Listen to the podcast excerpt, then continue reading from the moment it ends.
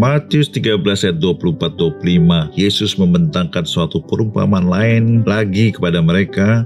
Katanya, hal kerajaan surga itu seumpama orang yang menaburkan benih yang baik di ladangnya, tetapi pada waktu semua orang tidur datanglah musuhnya menaburkan benih lalang di antara gandum itu lalu pergi. Tuhan Yesus mengingatkan supaya kita berhati-hati tentang benih lalang. Lalang itu mirip seperti gandum ketika tumbuh, tapi bedanya adalah dia tidak menghasilkan buah apa pun juga. Hati-hati dengan pengajaran yang kita dengar, seolah-olah sesuai dengan firman Tuhan, tetapi sebetulnya lalang. Jangan kita pilih-pilih firman karena menyukakan kita, tapi ajarannya sudah sesat dari firman Tuhan.